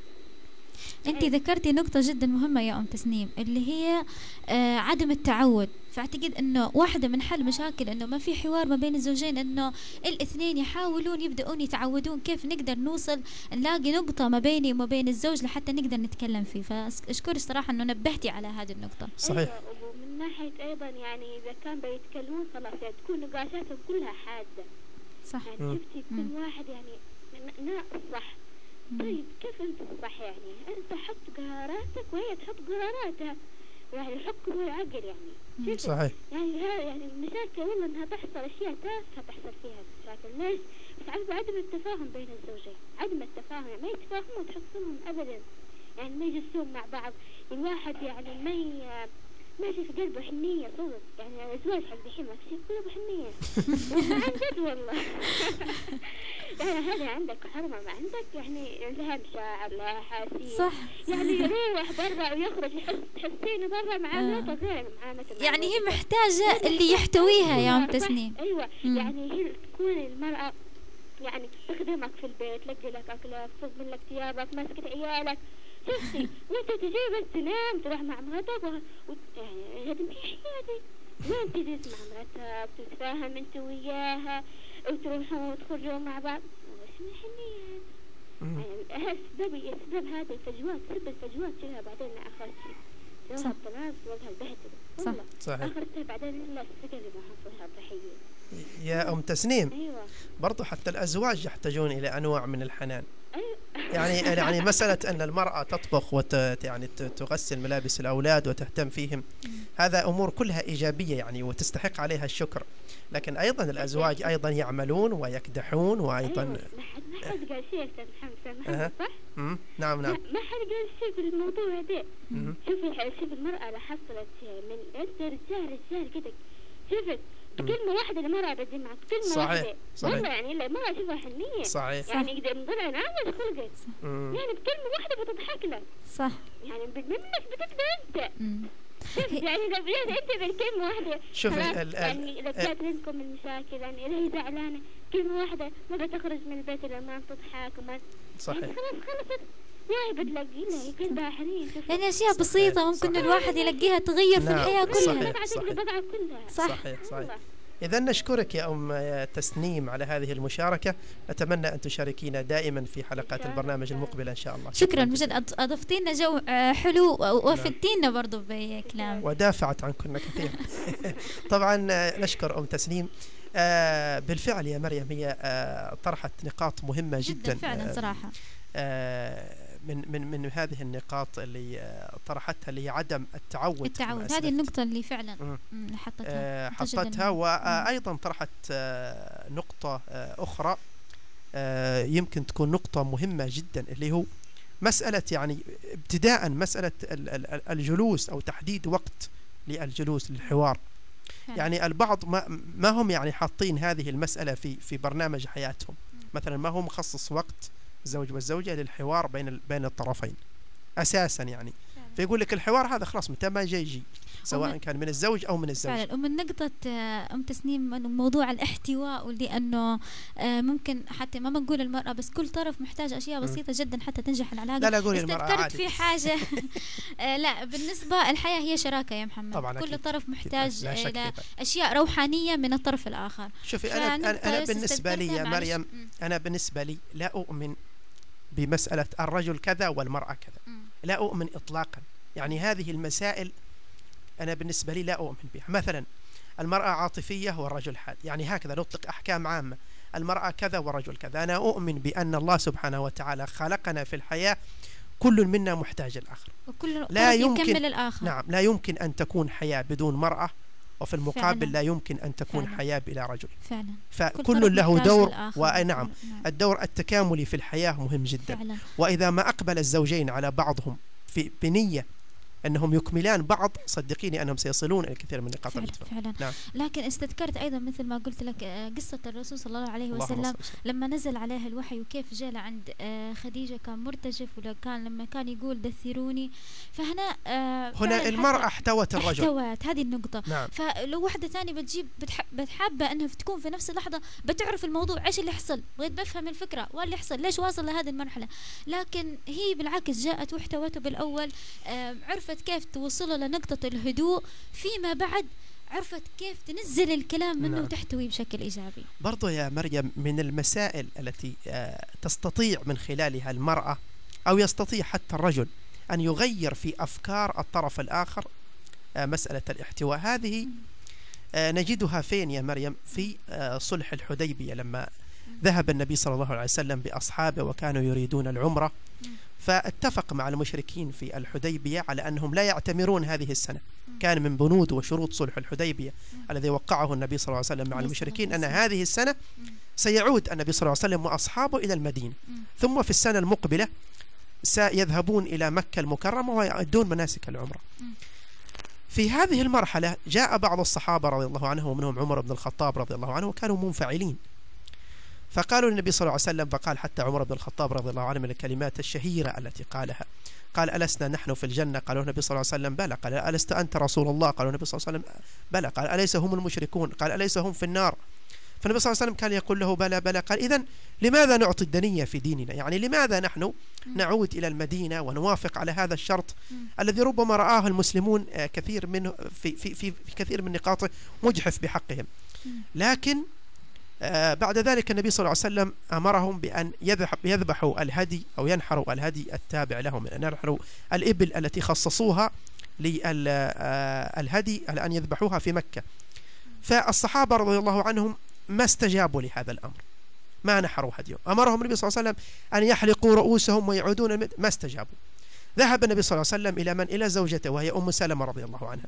ذهب وكان غاضب. فيعني آه قال النبي صلى الله عليه وسلم لزوجته آه، يعني عصاني القوم أو لم يطيعني القوم. قالت أم سلمة وما ذاك؟ قال هم أمرتهم أن يحلقون فلم يفعلوا أمرتهم أن يذبحوا فلم يفعلوا. قالت له يا رسول الله إنهم قوم يحبون القدوة. فلعلك لو خرجت وذبحت وحلقت لفعلوا مثل ما فعلت. فالنبي صلى الله عليه وسلم مباشرة بعد هذا الحوار القصير استجاب للرأي وخرج وأمر علي بن أبي طالب رضي الله عنه أن ينحر ال- ال- الإبل الخاصة به فنحر الإبل حلق النبي صلى الله عليه وسلم رأسه فمباشرة الصحابة رضي الله عنهم حلقوا وقصروا واقتدوا بالنبي صلى الله عليه وسلم هنا نجد لحظة الاحتواء عندما. يكون الزوج أو الزوجة يعني مهمومين ولديهم مشاكل وانفعال ويعني كبت يجب أيضا أن يكون الاحتواء وهي لحظات من الزوج والزوجة. تحتوي تتركوه كما أسلفنا يخرج ما في قلبه ثم بعد ذلك يبدأ الحوار بطريقة سلسة وسهلة وسترون النتائج. وديننا الإسلامي والرسول اللي يقرأ في سيرة الرسول صلى الله عليه وسلم بيلاقي كيف قادر أنه يتعامل مع زوجاته كيف زوجاته قادرات يتعاملون معه آه، بطريقة فيها من الحب من الحنان من الاحتواء من الحوار من الشراكة. فكل هذه. المفاهيم اللي نتكلم نحن عنها هي أصلا موجودة في ديننا الإسلامي. والنبي صلى الله عليه وسلم تعامل بها مع زوجاته وهو خير قدوة لنا يعني فعلا. فمشكلتنا نحن يمكن في حياتنا بعدنا جدا عن السيرة النبوية. فلو شخص حابب يبدأ حياته بطريقة صح يتعلم من الرسول كيف يعامل وهو آه، قدوتنا ويمكن هو كان شايل هم أمة كاملة. أكيد. مسؤولياته كبيرة إلا أنه رغم هذا كان آه، في أبسط المواقف يوصل لنا رسائل على أهمية العلاقات الزوجية وأهمية التفاهم وأهمية الشراكة آه، في الحياة اللي نحن تغافلنا عنها وبدأنا أنه كثير ندخل أنه على أنه الحياة هي فقط مجرد حياة نعيشها بدون آه، فهم للمسؤوليات لل- لل- للأمور والاحتياجات هي فقط ليست مجرد مأكل ومشرب هي احتياجات احتياجات نفسية واحتياجات روحانية بشكل كبير أكثر إذا يا محمد. خلينا نحن الآن ندخل في نقطة بعد ما تعرفنا على أساليب وطرق اللي تؤدي إلى جر الحوار إلى الحوار الغير الإيجابي كيف نقدر أو كيف نحكم على هذا الحوار على أنه حوار إيجابي؟ إيش ال- النقاط الإيجابية اللي المفروض أنها تتواجد في الحوار حتى يكون حوار إيجابي ما بين الزوجين؟ قبل ما ندخل يا مريم نؤكد على أهمية الحوار الناجح. آه، يعني ه- الكل الكل يسعى وهو مطلب أن يكون الحوار ناجح. ونحن آه، سن إن شاء الله سنتحدث الآن عن أشياء تجعل حوارك أيها الزوج لزوجتك ناجح وتجعل آه، حوارك أيضا أيتها الزوجة آه، ناجحا ومفيدا وإيجابيا. نقول في البداية أن الحوار الناجح رغبة يجب أن يكون رغبة مشتركة لدى الكل. نعم. آه لو دخلنا مريم أيضا من عندك بنبدأ في النقطة الأولى لأس- الأشياء التي تجعل الحوار ناجح. أعتقد إنه أول نقطة إنه كيف يقدر أو كيف نحدد الوقت المناسب لاختيار آه ال- الحوار. أو قصدك نختار. الوقت المناسب لبدء أيوة. الحوار. يعني نعم. مثلا طبيعي أنه رجال جاي من من ضغط عمل في فترة معينة فمستحيل نبى اجيبه أحط له مشكلته في نفس اللحظة. والله شوف اليوم حصل الحاجة الفلانية نقصنا في الأمر الفلاني ليش ما سويت الحاجة الفلانية؟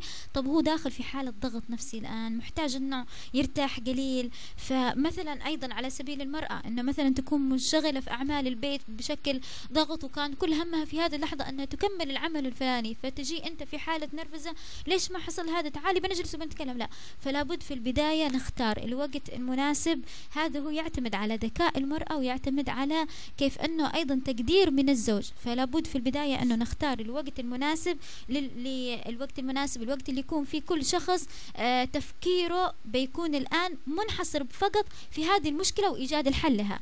الوقت المناسب للحديث وتخصيص مثل ما ذكرنا مسبقا الوقت المحدد لحل هذه المشكلة دون التشعب في بقية الأمور الأخرى ودون الدخول في مشاكل أخرى أو جر الحوار إلى مشاكل أخرى. اختيار الوقت المناسب يا مريم نقطة في غاية الأهمية لجعل الحوار ناجح. فعلا. ولذلك آه أيضا من الأسس التي تجعل آه الإنسان آه يختار الوقت المناسب أيضا التربية والتعود على أن كيف تختار وقتك المناسب.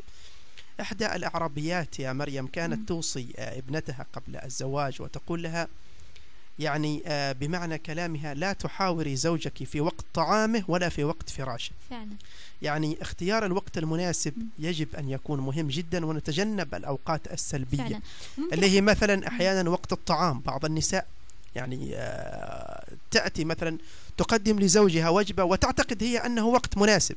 هذا مثلا آه، يكون الأولاد خرجوا فتجد مثلا هي وزوجها مثلا تتغدى مع بعض تتعشى مع بعض وتبدأ تحاور. وتبدأ تقول له والله مشكلة هذه يا زوجي بنعالجها. الآن الوقت غير مناسب إطلاقا يعني من الزوج الذي آه، ربما يكون في حالة من الجوع في حالة من غير ال ال ال أو من من من عدم ال- التقبل العصبي بالضبط، والعاطفي بالضبط. لما يطرح عليه من مشاكل. هنا لابد انهم حتى يتفقون فيما بينهم. إيش. متى متى الوقت اللي أكيد نقدر أكيد. فيه هذا هذا نتحاور فيما نعم. بعضنا البعض والوقت هذا بيكون مناسب لي ومناسب للزوج طبعا نفسه. طبعا. هو يعني اختيار الوقت الصحيح يجب أن يكون بالاتفاق بين الطرفين. فعلا. ولا يمكن أن يكون أو ب- بإملاء من طرف على الآخر.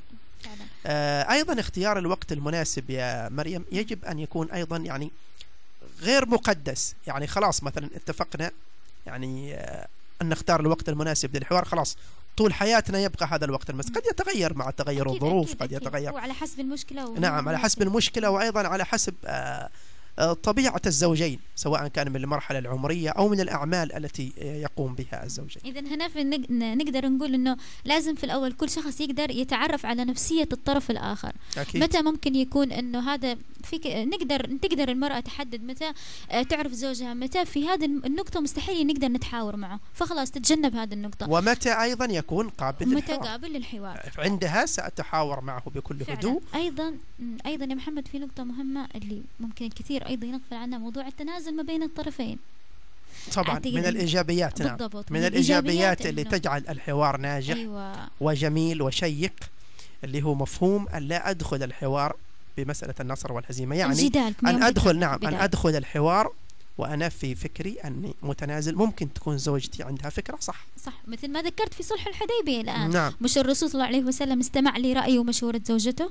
وكانت الفكرة وكانت صحيحة. وكانت الفكرة يعني صائبة. تخيلي في لحظات يعني. حتى في في في, في رواية ال- ال- الإمام البخاري رحمه الله الحديث كاد الصحابة أن يقتتلوا.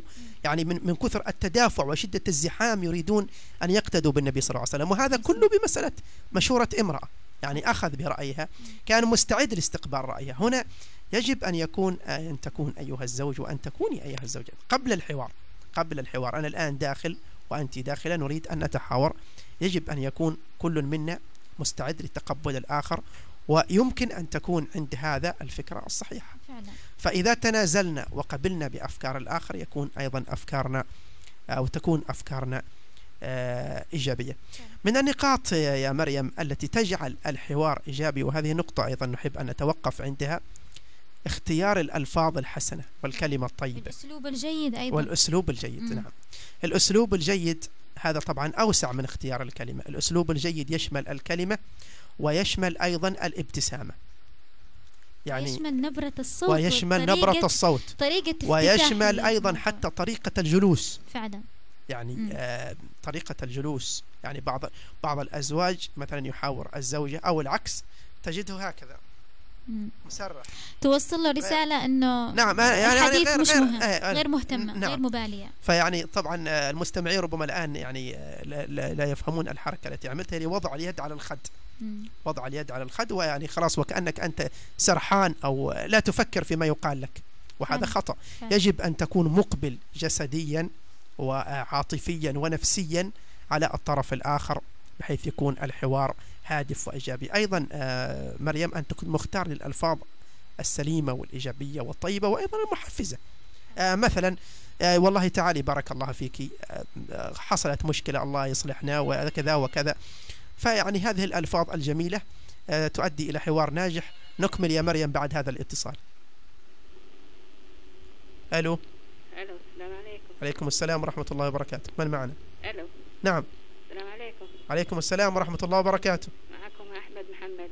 أم أحمد محمد من؟ بعنتر. نعم. بعنتر. بعنتر. أهلا بك يا أم أحمد. من فين تكلمينا؟ من الشرق أم أحمد محمد بعنتر من الشرج. أم أحمد إيش رأيك في موضوع حلقة اليوم؟ أه؟ إيه رأيك في موضوع حلقة اليوم؟ حلقة حلوة ممتازة. مهم. إيه رأيك في موضوع الحوار بين الزوجين نفسه؟ أنت يعني آه، إذا كنت متزوجة هل تطبقين؟ واضح يعني أم أحمد متزوجة. أيوه. آه، هل يعني تعيشين نوع من تطبيق الحوار مع الزوج؟ الحوار مع الزوج إذا قبل تو من العمل. لا تمشي المشاكل تو. غدوا يتغدى وعطفيا شاهي. جميل. يرتاح. بعد ال- الغداء. أصل حقك المشكلة. طيب الآن الرجال تغدى يبغى ينام من العصر. طيب يا أم أحمد. أيوة. جميل جميل جميل جدا جميل. وطبعا أيضا من من وسائل ال- الحوار التي سنذكرها إن شاء الله بعد شوي. آه هذه الطريقة يا أم أحمد أنت جربتيها؟ أيوه جربتها. كانت ناجحة. أيوه ويبغى بالكلام الحلو. مم. جميل. جزاك الله خير يا أبو أحمد. نحن بغينا كده في البيت بغينا يصلح في البيت. اسمع تو كلامي ما شاء الله. آه جزاه الله خير. أيوة. إذا هذا الزوج صراحة يستحق التقدير لأنه أيوه. يعني مهتم بكلام وهي. تستحق طيب، التقدير لأنه برضو طيب، عندها الكلام، جيد في توصيل يخاف المعلومة. نعم واضح. ونحن تحدثنا عن الكلمة الطيبة والأسلوب الجيد. نعم. و شيء من الأشياء الجميلة يا مريم التي سنتحدث فيها يعني بعد الاتصال تعليقا على كلمة أم أحمد أنها يعني تأتي لا بأس أن تأتي بأشياء جميلة مثل شاي عصير يعني تجعل الأجواء ملطفة يعني يا أم أحمد واللي ال- من معاه يحتاج صح يعني أنت صحيح. تقدرين أو تتعاملين معه بطريقة اختيار الألفاظ ال- بالطريقة الطيبة آه، كل بال- بال- العامل. بالأسلوب الجيد الطيب ف- فهو يقدر يستمع لك هذه. يستمع لي أيوه. طيب آه، يا أم أحمد إيش رأيك في ال- في الأزواج والزوجات اللي يتعاملون بعصبية إيش تقولي لهم؟ آه بعض الأزواج الله يهديهم مهم. آه يهديهم الله بس يسبون ويزعلون ودين ما هو الألفاظ قضيتها ما هي طيبة صحيح طيب يا أم أحمد آه، صراحة مشاركة جميلة جدا ونموذج حي يا مريم للحوار الناجح. فعلا. يعني عندما نتكلم نحن ما نتكلم عن فراغ أو من من- من جانب تنظيري. نتكلم من جانب واقعي الآن. يعني معانا أم أحمد ما شاء. الله. وهي جر... جابت نقطة موضوع في ال... في الأسلوب الجيد. يعني مثلا واحدة من الأساليب اللي تقرب لأسلوب أم أحمد يعني مثلا بدل ما نوجه أولا الاتهام. خلينا نشكر أم أحمد. شكرا لك يا أم أحمد. شكراً. الله يعطيك العافية إن شاء الله. شاركينا في حلقات الأخرى يا أم أحمد.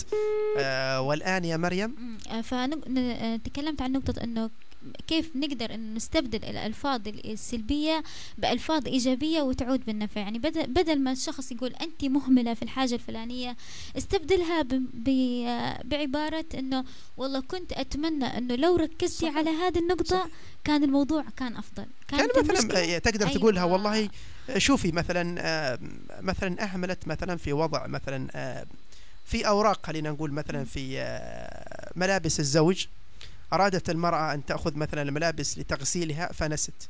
مثلا كان يفترض أن الزوج يقول والله أنا صراحة مت كنت متأكد أنك ما بتنسي لكن فعلا. سبحان الله. راحت آه، فبالتالي سيكون تقبل من الطرف الآخر والله الأكل اليوم فيه زاود زايد الملح بدل ما ترفع الصوت أنت يعني ليش زودتي. نحن ما بناكل. نحن ما ادري إيش نحن جينا جيعانين لا المرة الجاية والله حاولي خففي من ال- من الملح في الطعام المرة الجاية لو كنت سويتي الطبخة بالطريقة الفلانية وبالأسلوب الفلاني كانت بتطلع أفضل فهو بس يعني آه، أساليب بسيطة الواحد يقدر يغيرها في نفسه وفي صحيح. شخصيته وفي. حديثه بتفرق جدا في الحديث في مريم. خليني أمدح نفسي في هذا الجانب شوي وبصراحه أنا هذا الأسلوب أستخدمه في البيت ليس مع جميل. الزوجة فقط.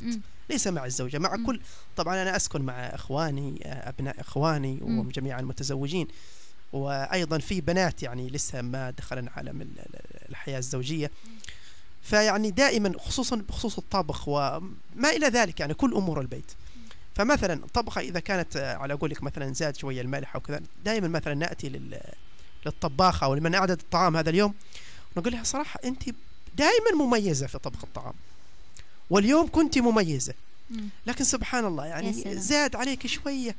يعني في المرة الثانية لو نقصت شوية بيكون أفضل تهيئه ذهنيه فسبحان أنا- الله نعم والله يكون القبول وأنا يعني فعلا هذا فعلا. جربته جربته بشكل آه، إيجابي جدا حتى أن بعض أهل أهل البيت دائما يتهموني بالنفاق أو بال- لا هذا أو بالمجامله أم، دائما يقول لي خلاص ما دام محمد اليوم أكل فأكيد الطبخ إيجابي حتى. لو ما هو زين حتى لو لكن سبحان الله شوفي ال ال النساء. دائما عندما تقول لك لا والله خلاص هذا سيأكل يجب أن أركز يجب أن يكون طبخة جميلة مم. لأنني يعني سأحصل على كلمة طيبة والكلمة الطيبة مهمة جدا طبعا. آه لكل الناس وتكون أكثر أهمية للمرأة بصراحة وأنا. يعني أوافق الرأي ال- المتصلات اللي قالوا أن المرأة مم. تحتاج إلى كلمة طيبة نعم. أكيد يعني هي أطرف كلمة الطيبة ممكن نعم. أنها تهديها مهمة قلت قلت لك. الكلمة الطيبة حتى نحن الرجال مهمة لنا كثير لكنها أكثر أهمية للمرأة. فسبحان الله الكلمة الطيبة يعني كما ذكر الله عز وجل يعني وما مثل كلمة طيبة كشجرة طيبة. سبحان الله كلمة طيبة جميلة جدا. ففي الحوار اختيار الألفاظ والابتسامة. وأيضا يا مريم من النقاط اللي حطتها إيجابيا آه، أو إيجابيا آه، ال- ال- الأخت المتصلة الأخيرة اليوم أحمد يعني كسر الروتين في الحوار. يعني كيف كسر الروتين؟ يعني تقول لك أنا والله أجيب له شاهي. شيء جميل. يعني. شاهي عصير أشياء ملطفة يعني.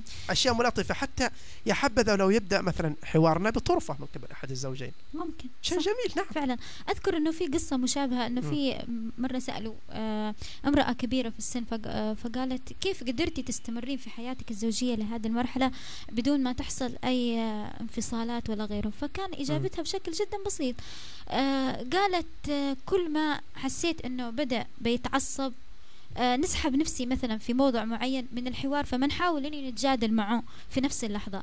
أول ما نحس إنه زوجي بدأ يهدى نجي وندخل الغرفة معي كاسة عصير مثلا أو شاهي أو أي شيء اي مشروب المفضل يعني اللي نعم يحبه. نعم. نحطه أمامه فقال تلقائيا هو يجي يعتذر مني ويبدأ يسمعني الكلام اللي كنتني حابة إني نسمعه منه. فسألتها البنت قالت لها آه وتصدقينه في كل مرة؟ مش ممكن إنه يكون مش صادق في هذا الكلام. يعني ممكن يزيد. أيوه فقالت لها طبعا. طبعا قالت لها صدقوا زوجي إذا ما إذا ما تقبلت من زوجي بتقبل من من زوجي اللي إني عايشة معه سنين واللي كان في بالنسبة لي حلالي فكيف ما ما بصدقه طبعا. فهي أساليب جدا بسيطة تقدر بسيطة الوحدة آه، تحتوي فيها زوجها آه، يقدر الواحد يكسر الجمود والجفاف العاطفي اللي عنده ويبدأ هنا يدخل الحوار ما بين الزوجين أكيد أيضا في يا نقطة يا محمد حابة برضه قبل قبل النقطة. مريم أكيد الآن انت. والنساء اللي يستمعن إلينا طبعا تقولون هذا كله شغل زوجات. آه. طيب الزوج مم. إيش الأشياء الملطفة التي يمكن أن يأتي بها قبل. الحوار؟ آه ده السؤال م- نترك إجابته عندك أكيد. أنا دائما متوازن. فبالتالي يعني آه، طبعا حتى الزوج يجب آه، يعني يجب إذا أراد أن يكون حوار ناجح وإذا أراد أن تتقبل الزوجة آه، أن يأتي بهدية بسيطة مثلا. واحد كاكاو. آه، شوية مثلا من الحلويات اللي دائما النساء أنت ما شاء الله يعني في غالبكن يعني إلا من رحم الله يعني الشيء اللي يسعد النساء دائما. طبعا أكيد. هذه هذه أمور بسيطة. يعني مثلا واحد كاكاو لا يقل عن ألف ريال مثلا عادي لكن في مقابل حل مشكلة لا بأس.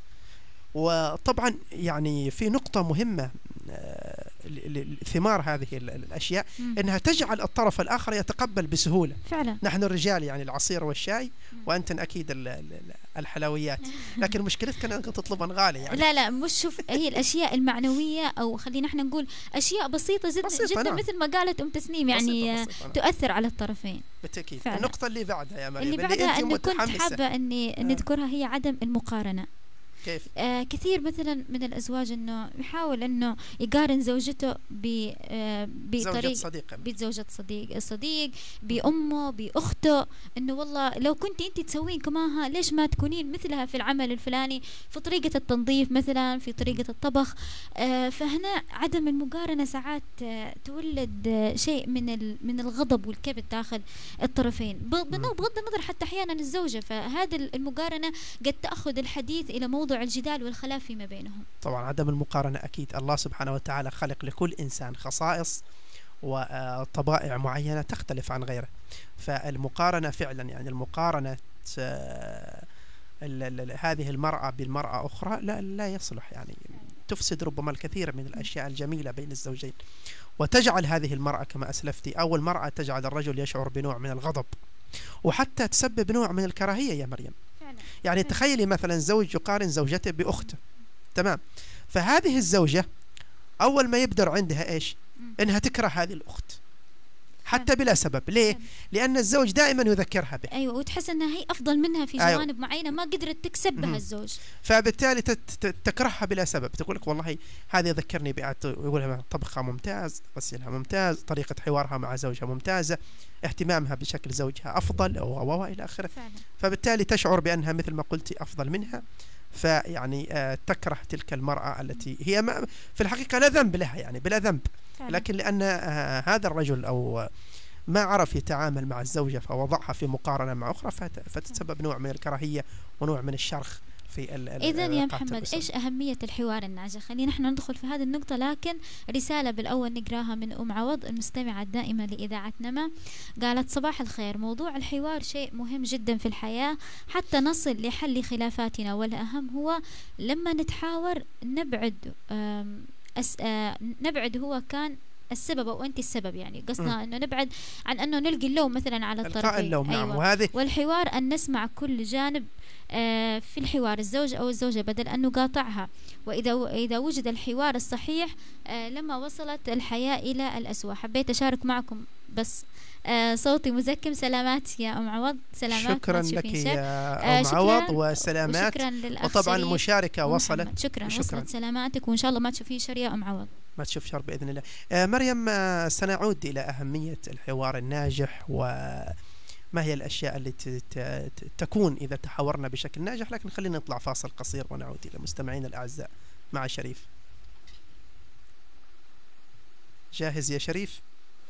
إذا عايز أقول لك حاجة اسمع مني في الله يتقال لما الراجل يتكلم الست ما تعنتش معاه. ما تقولوش حاضر في كلام يتقال تاني يوم تنساه. تفهم وتقدر قيمته لو عايزة تكمل وياه. ما هي لو بتعامله بطيبه وحنية وحب وإخلاص تاخد عينه وتتدلع ويصونها وتتشال عالراس وقت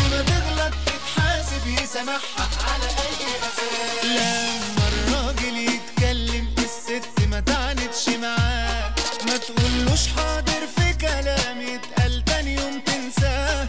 تفهم وتقدر قيمته لو عايزة تكمل وياه.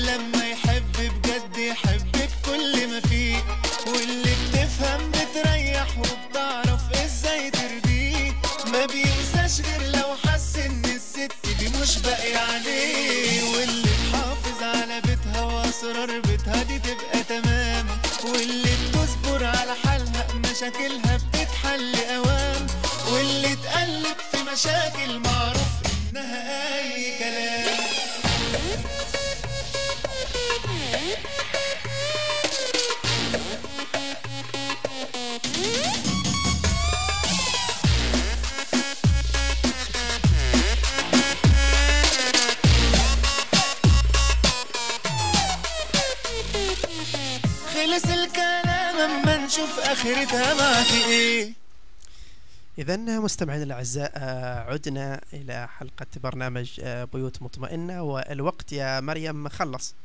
واستنفذ زمان. واستنفذنا منه نعم من زمان. لكن دائما مشكلتنا أن عندما نكون على الهواء يعني ننسى ال- ال- الوقت. وطبعا نظرا لأهمية المواضيع اللي نطرحها أحيانا ما يكفي ال- ال- الوقت. فنحن صراحة نشكر شريف يعني لأنه طويل البال علينا وأعطانا وقت إضافي بشكل كبير. آه مريم طبعا إحنا تناولنا نقاط الحوار الغير إيجابي أو المؤشرات اللي تجعل الحوار غير إيجابي. قمنا طبعا بطرح بعض النقاط اللي تجعل الحوار إيجابي. الآن بنتحدث في الأخير عن أهمية الحوار الناجح وثمرته وأيضا في هذا ال- المقطع اللي هو المقطع الأخير أو ال- ال- ال- الفترة الأخيرة معنا. سنسحب إن شاء الله على جائزة حلقة اليوم في نهاية هذه الحلقة. بس في تنبيه مريم بسيط قبل ما نسحب على جائزة اليوم أن آه، بالنسبة لمشاركينا في الواتساب اللي يشاركونا على هاتف ثلاث سبعات آه، أربعة اثنين ستة صفر آه، تسعة تسعة. يحق لهم أيضا الدخول معنا في السحب على الجائزة. أكيد. طبعا الجائزة حتكون لل- للي يتصل واللي أيضا يشارك عبر آه،. برسائل عبر الواتساب. آه، طبعا الحلقة اللي قبل الماضية ما كان في واتساب موجود. لأنك ما كنت موجودة يا مريم. نص الحلقة كان آه، مفقود. وطبعا يعني آه، نحن يسرنا ويسعدنا أن نرحب بكل مشاركات مستمعينا. أكيد. هي آه، آه مشاركات بس فعلا آه ممكن أوقات كثيرة تنبه على نقاط وتضيف للحلقة وتضيف إيجابية رونق بشكل طبعا.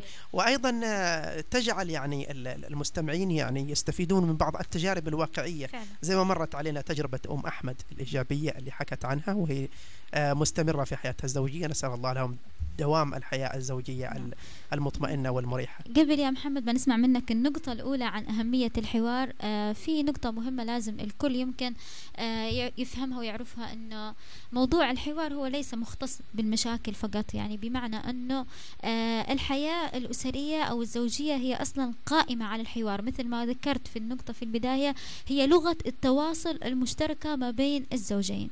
فليس بالضروري أنه لما نجي ونتكلم عن الحوار نحصر مفهوم الحوار ما بين الزوجين فقط عندما تحدث هناك مشكلة فيجب أن نحن نتحاور. يعني مثلا إذا كانت الحياة يعني ما, في ما فيها مشاكل ماشي حوار. أيوة بالضبط. فهي الحياة اليومية بشكل عام محتاجة إلى أصلا حوار ما بين الزوجين. آه حوارات طبيعية حوارات بسيطة عن عن آه يوميات الزوجين وش العقبات اللي دردشة. يواجهونها. دردشة بسيطة مع الأسرة دردشة مذكرات آه الماضي مثلا. بالضبط تخطيط يعني للمستقبل. هذا الشيء الشيء. حتى يفتح آه، باب لأنه كل طرف يتعمق في الطرف الآخر ويعرف الطرف الآخر بشكل أكبر. ولما تجي وتحصل مشكلة كنت تكونت عندي دائما بشكل من الحوار المستمر الدائم تكونت عندي فكرة آه، كبيرة متعمقة عن الطرف الآخر ونقدر نتحاور معه في أي مشكلة. فالحوار اليومي هو مطلوب مثل ما قلنا أنه الكبت العاطفي سببه أو الوصول إلى حالة الطلاق ال- العاطفي هو عدم وجود الحوار ما بين الزوجين. ف إنه مشكلة إنه لما تلاقي زوج وزوجة جالسين في بيت واحد لكن مش قادرين يتواصلون مع بعضهم البعض. فعلشان توصل لما تجي مشكلة تقدر أنت تحلها مع زوجتك مثل ما ذكرت أم تسنيم تعودوا تعود أنت وزوجتك على فتح حوار في وقت ما تكون في مشاكل. طبعا. وطبعا الحوار يعني عندما تكون في أو عندما لا تكون في مشاكل هناك أشياء كثيرة تدعو إلى الحوار مثل ما آه، أسلفت مريم. آه، دردشة عن اليوميات استعراض بعض مذكرات الماضي. بس مو يعني واحد يجيب الماضي اللي اللي يؤلم. اللي يخلي الحياة يعني سوداء. آه، طبعا آه، وأيضا يعني لما يكون يعني يجيب الماضي الإيجابي بشكل يعني مفرط. فبالتالي التخطيط للمستقبل أيضا هذا فعلاً، مهم جدا للحوار نعم، للمستقبل. يعني مثلا اليوم ما في مشكلة نتحاور مع الزوج التخطيط للحياة نفسها نعم. التخطيط للحياة نفسها كيف بنقدر بنمشي يومنا أكيد. كيف بنقدر بنعمل هذا. آه، إيش القرارات اللي ممكن إن إحنا نتخذها في حياتنا مع بعضنا البعض فهذه كلها أشياء مشتركة تحتاج فقط إلى حوار ما بين الزوجين طبعا الآن يا, الحوار يا يا مريم محمد. حتى يعني لا نطيل على مستمعينا نعم ندخل في أهمية الحوار وما هي الثمار الإيجابية للحوار الناجح طبعا التساؤل المطروح إذا تحاورنا حوار ناجح ماذا سيحدث؟ الذي يحدث أولا أن تعيشون في راحة وأن تخرجون كل ما في قلوبكم من عواطف ومشاعر سواء كانت سلبية أو إيجابية. يعني عندما يتحاور الزوجين وهذه أول نقطة إيجابية من نقطة الحوار أنك لن يبقى في قلبك شيء على زوجتك والزوجة لن يبقى في قلبها شيء على زوجها. وإذا عشنا أو إذا عاش كل واحد سليم الصدر على الآخر أعتقد أنه سيكون مرتاح. فعلا.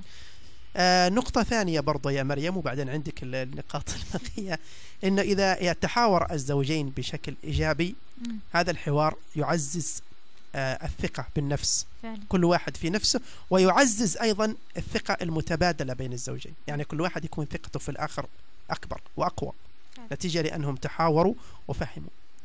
آه نقاط كثيرة وأمور كثيرة يعني ممكن إذا عندك شيء تضيفيه. بالنسبة لي أنه أهمية الحوار الناجح ممكن م. أنها آه، تعمل على تقارب وجهات النظر ما بين الزوجين آه، كثير من الأزواج مش قادر أو لا- ولا ولا الزوجة في نفس الوقت تفهم وجهة نظر الزوج إيش خلال في هذه المشكلة فوجود حوار إيجابي آه، يخلي كل طرف آخر يقرب وجهة نظره. من الطرف الآخر فهنا يقدرون يوصلون إلى حل قد يرضي الطرف الأول يرضي الطرف الثاني. أيضا نقطة مهمة أخرى اللي هي حل المشاكل على سبيل المشاكل إذا كان في حوار تبع مشكلة معينة. فحل المشاكل أول بأول. مثل ما ذكرت الكبت العاطفي من فين يجي؟ من كثرة المشاكل ما بين الزوج والزوجة وتراكمها تراكمها تراكمها. فيوصلون لأطرف نقطة معينة فيحدث الانفجار وعدم حل المشاكل. لكن بالحوار اليومي والحوار الإيجابي المستمر آه نقدر نتخلص من المشاكل ونجعلها أول تتراكم؟ بأول. مم. حل المشاكل أول بأول وتجاوز العقبات بشكل سريع وبشكل متسلسل. طبعا من النتائج أيضا الإيجابية للحوار آه، آه، الشفاف والواضح أيضا بين الزوجين يا مريم إنهم يعني يتعودون على هذا الحوار وينقلونه للأبناء. إذا محمد معلش بس علشان ما نطول على المتصل وبعدها تكمل وجهة نظر يلا. ألو. عليكم السلام ورحمة الله وبركاته. آه الصوت غير واضح يا أختي. ألو. من معنا؟ نعم. خلود علي أحمد. أهلا يا خلود. من فين؟ من المكلم مع إنه صوتك غير واضح يا خلود يبدو إنه في شيء لكن استمري معنا. موضوع حلقة اليوم يا خلود عن الحوار بين الزوجين. التلفون شوي فيه مشكلة. نعم. التليفون يلا. حاولي إن إحنا يعني آه آه نعم. واصلي واصلي. خلينا نستمع آخر آه اتصال لهذا اليوم. نعم. تفضلي يا خلود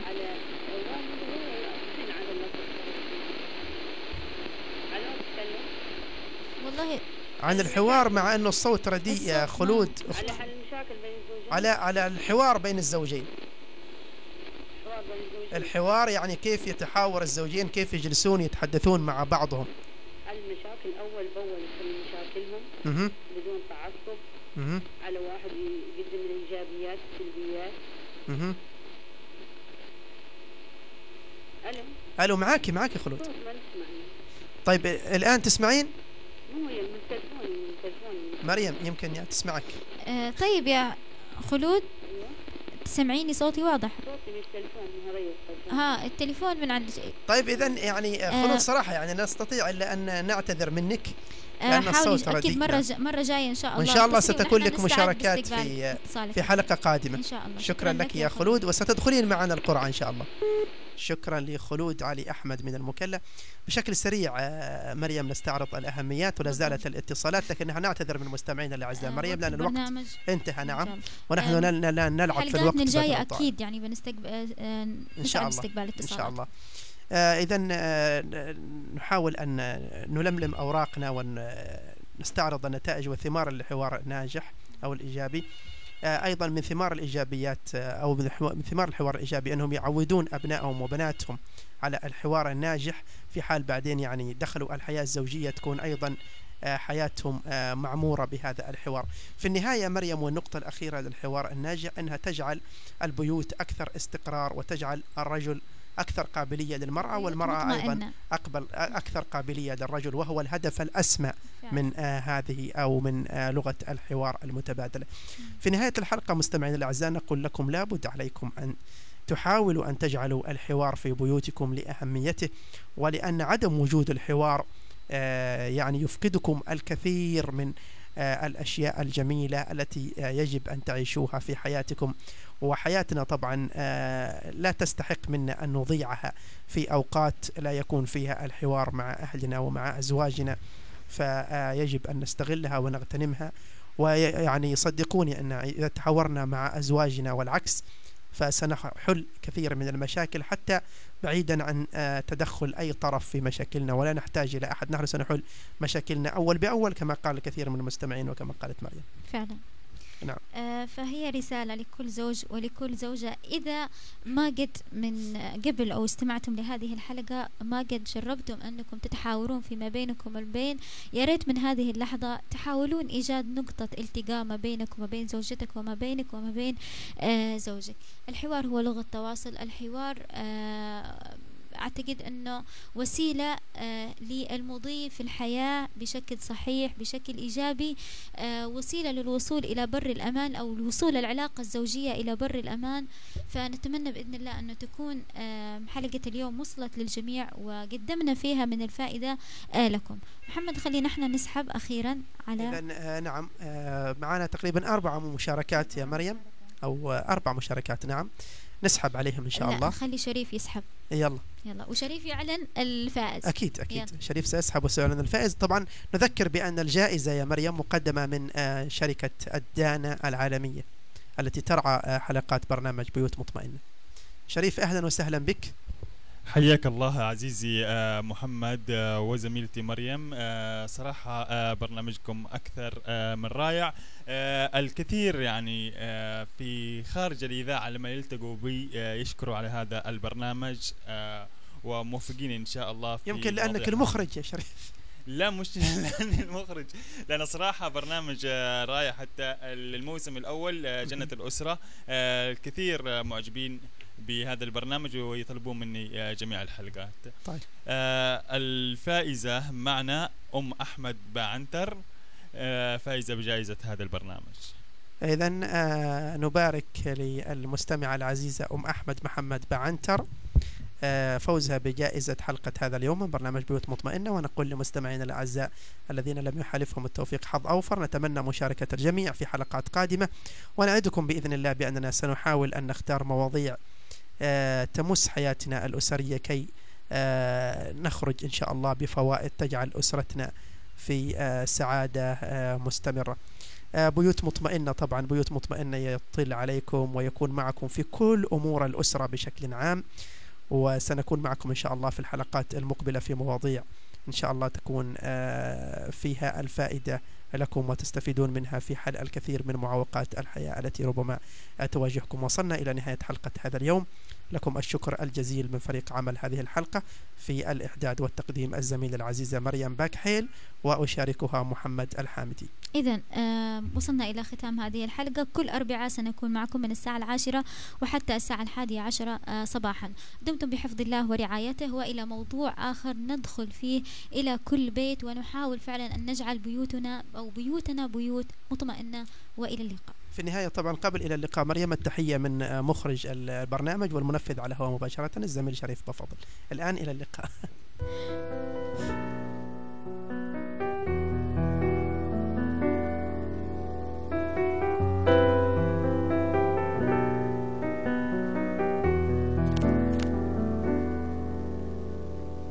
إحنا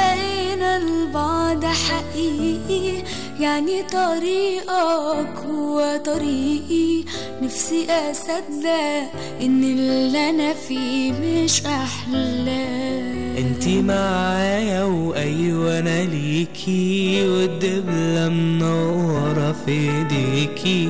يعني يتحقق وبيتعاش حلم الأيام بشكر